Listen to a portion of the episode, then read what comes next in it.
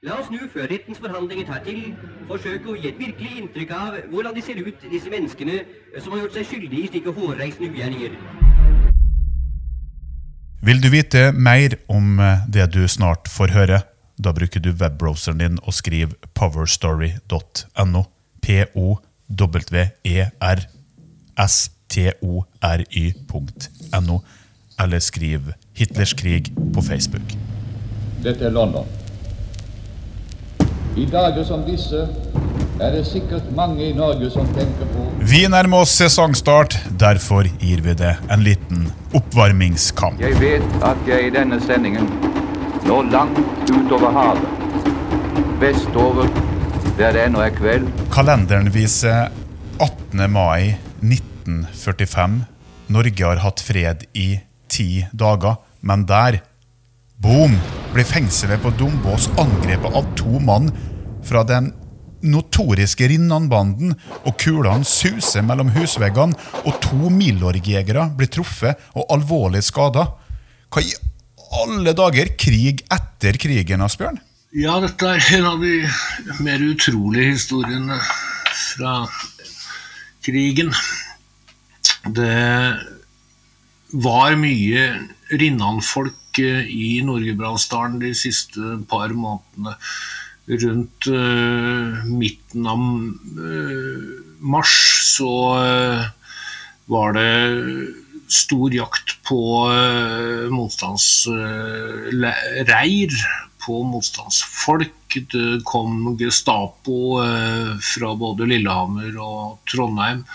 Sågar kommandant Flesch kom fra Trondheim. Og de fra kontoret på Dombås var selvfølgelig til stede også. Eh, Flere nordmenn ble drept eh, under dramatiske omstendigheter.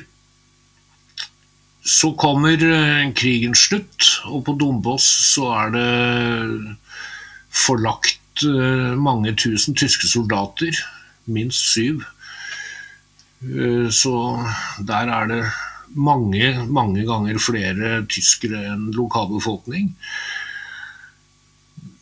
Eh, Milorg, eh, ledelsen, har eh, tatt inn i dyrlegevillaen og bruker den som hovedkvarter. Og de har selvfølgelig et fengsel hvor NS-folk er blitt satt inn på varetekt. NS-folk fra de helt uskyldige, vanlige medlemmene og opp til eh, ordentlige fæle folk med stygge rulleblad som sitter og venter på at de skal komme for en domstol på et eller annet tidspunkt. Den 17. mai ble det feiret også på Dombås, eh, så det rakk, i hvert fall blant eh, alle som hadde vært på den riktige siden, eller syntes at de hørte til der. Og også tyskerne hadde hatt eh, kjempefest på 17. mai. Eh, I hvert fall i en leir på Dovre, ei mil lenger sør, så var det brennevinsfylla som eh, styrte da to yngre medlemmer av Rinnan-banden dukket opp i leiren og ba om å få være med på festen. Den ene av dem sa året etterpå under rettssaken mot Rinnan-banden i Trondheim at eh, det var flere brennevinsflasker enn det var folk der. Og det ble drukket flere brennevinsflasker enn det var folk der, så de hadde i hvert fall fått over ei flaske sprit per snute i gjennomsnitt eh, da de seint utpå kvelden fikk høre at eh, i fengselet i Dombås så satt det også en frontkjemperkamerat av dem.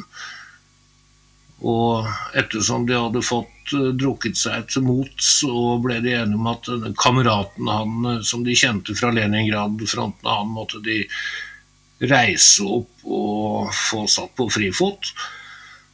En 28 år gammel eh, tysk sersjant, en feltwebel, han var også enig i at dette var en god idé, så han hjalp til med å finne våpen. Og så tok de på seg tyske uniformsjakker og luer, og så satte de seg i en bil og reiste nordover. Ikke bare det at de eh, kom på den elendige fylleideen om å gjøre det der, de eh, satte seg også bak rattet. og- det er vel gjerne i alkoholrus folk finner på enten å starte band eller gjøre sånne ting som det der. Ja, det kan tenkes. Dette var i hvert fall ikke noe spesielt med å starte band å gjøre. Det var eh, derimot en del ungdommer som var ute fortsatt, og som eh, så denne bilen som kom rasende. Den lokale dyrlegen, Hagbard Thoresen, han eh, opplevde at de stoppet, og så fikk han og en kamerat eh, ordre om å legge seg ned, og så ble de kommandert til å gjøre straffeeksersis på veien bak bilen.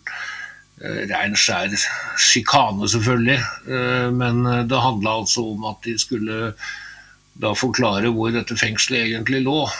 Og de hadde pekt eh, hvor det var, så de to nordmennene og tyskeren satte seg og reiste videre. Stoppet utenfor eh, det aktuelle huset, og da de fikk se folk innenfor, så ble det ropt 'hands up'. Plutselig så smalt eh, skuddsalvene midt i Dombås sentrum. Og dette var altså bare noen få meter fra hjemmefrontens kommandosentral også at det skjedde. Den eh, første som ble truffet, var eh, Mikael M. Tøring, en 28 år gammel tobarnsfar fra Lesjaskog, som eh, fikk eh, skudd gjennom hofta og pådro seg eh, skader for livet. Den andre, han eh, ble truffet i foten og kom til å gå og dra på den resten av livet. Si historien noe om hvilke våpen som ble benytta i det der postfredsdagslaget post-fredsdagslaget der? Ja, det var eh, først og fremst en Schmeisser eh, maskinpistol som ble brukt. Og det var uklarhet eh, etterpå hvem som egentlig hadde skutt. Den ene av eh, de tidligere frontkjemperne, skråstreker innankarene, som jeg ikke syns det er noen grunn til å bruke navnet på her så mange år etterpå, han eh, tok på seg skylda etterpå, men eh, så begynte det å sprike. Og det er ganske mye når eh, jeg går gjennom vitneforklaringene og de eh, tiltaltes egne versjoner av det som foregikk, så tror jeg nok at det var mer enn den ene, flere enn den ene, som, som avførte skuddet skudd. Disse to nordmennene var begge to så alvorlig såret at eh, det ville være utenkelig å få dem til eh, sykehuset. Det nærmeste på Lillehammer ville tatt eh, fire-fem timer, så det var eh, ikke til å tenke på. Der den ene var truffet i begge beina, og den andre i, eh, gjennom eh, hofta. Det de der er truffet med, er jo 9 mm eh, parabellum-ammunisjon, som du sier Schmeisser er også kjent som eh, MP40. Så eh, den tida der så eh, var jo det Det er også det i dag, for all del. Veldig komplisert og særdeles alvorlig. Ja, og det hadde ikke gått bra heller hvis det ikke hadde vært for at det var et stort feltsykehuslasarett feltsykehus, lasarett, på Donbass, hvor tyskerne tok imot sårede fra Finlandskrigen f.eks. Så det var eh, både godt utbygd, det var erfarne kirurger der. Og da disse to nordmennene kom dit med skuddsåra sine, så, eh, så var det for så vidt eh, noe som de, de tyskerne hadde erfaring i å ta seg av. Så det var fortsatt i drift? Ja da, det var i drift i flere måneder senere etterpå, fordi det, kom, det, det var en forlegning der, og det kom jo hele tiden transporter nordfra. Og en del av transportene var eh, nettopp med sårdes, og sånt var det behov for.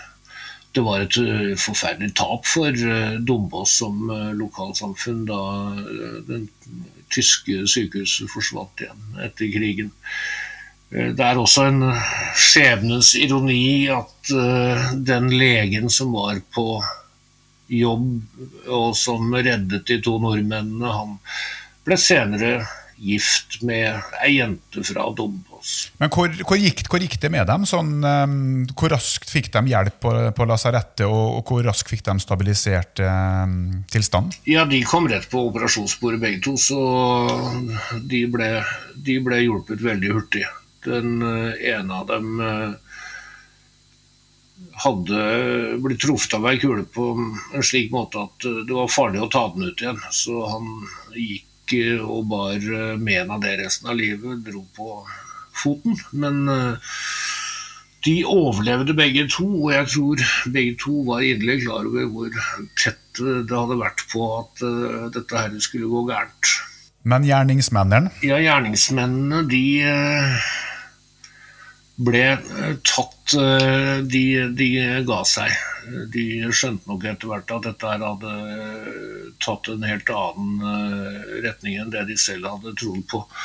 Og eh, de greide dessuten ikke å få sin eh, kamerat på frifot, og overmakten var for øvrig for stor. Men det hadde jo gått alarm allerede, sånn at det også var blitt sagt fra til eh, Milorg i Oppdal om at eh, nå var det to villmenn fra Rinnan eh, som holdt på inne i fjellet der. De hadde antagelig forsøkt å stikke tilbake til de fjellområdene hvor de hadde oppholdt seg siden krigens slutt nesten to uker tidligere. Så det ble sendt ut bevæpna jegere derfra også. Og det ble sendt ut folk fra Dombås. Og på et eller annet tidspunkt så støtte de på hverandre, og begge trodde at eh, det sto overfor fienden. Det ble ikke oppklart før det var avført skudd, og en nordmann sågar var blitt uh, truffet og, av et streifskudd i armen. Så det ble en en både dum og pinlig affære for dem også. Rett og slett friendly fire? Blue on blue? Very friendly, kan du si.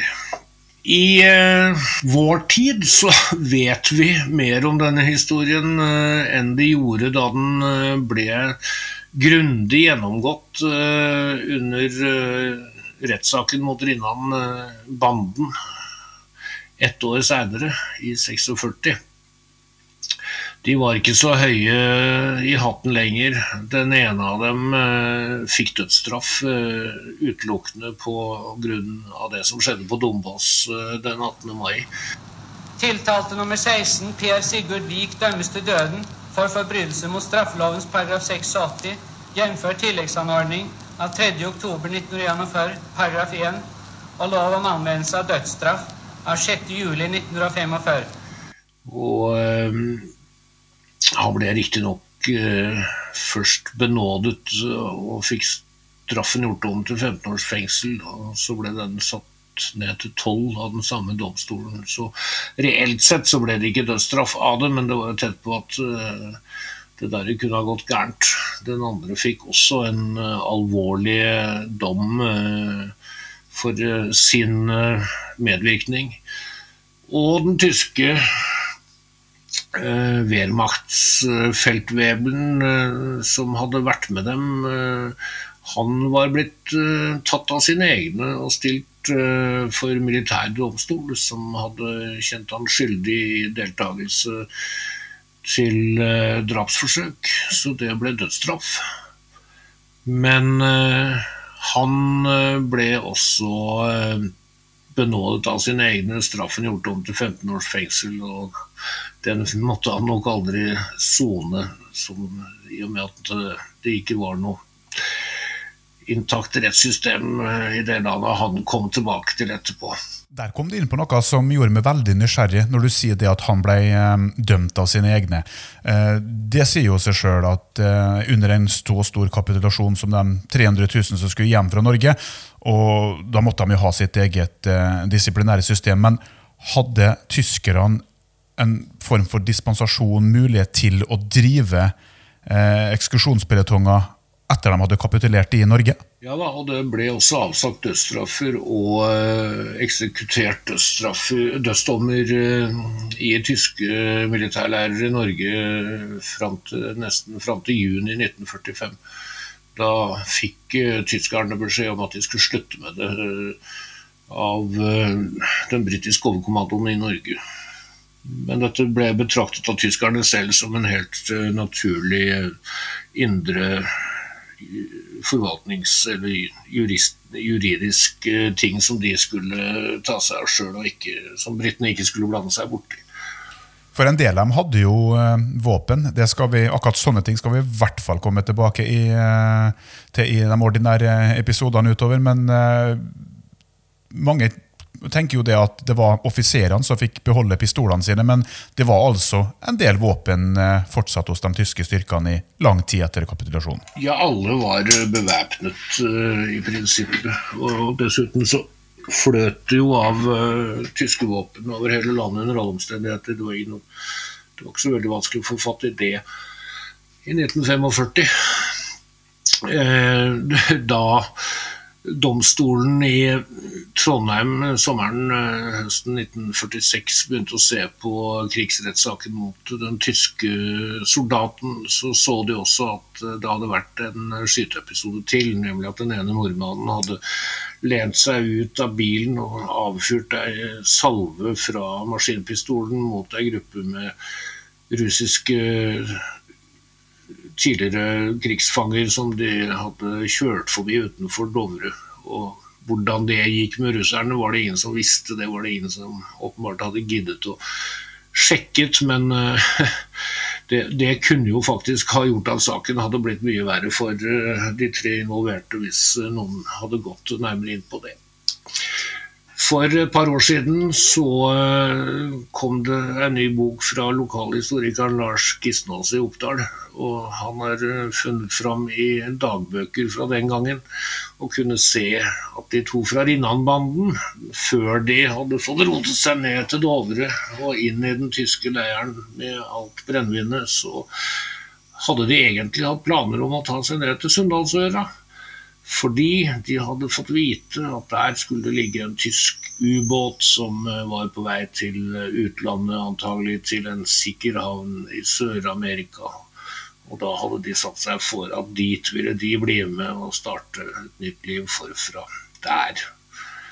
Nå var det bare det at eh, det fantes ikke noen ubåthavner i Sunndalsøra, og det var ikke noen tyske ubåter i Sognefjorden eller andre steder, så det der var nok bare en drøm de to hadde.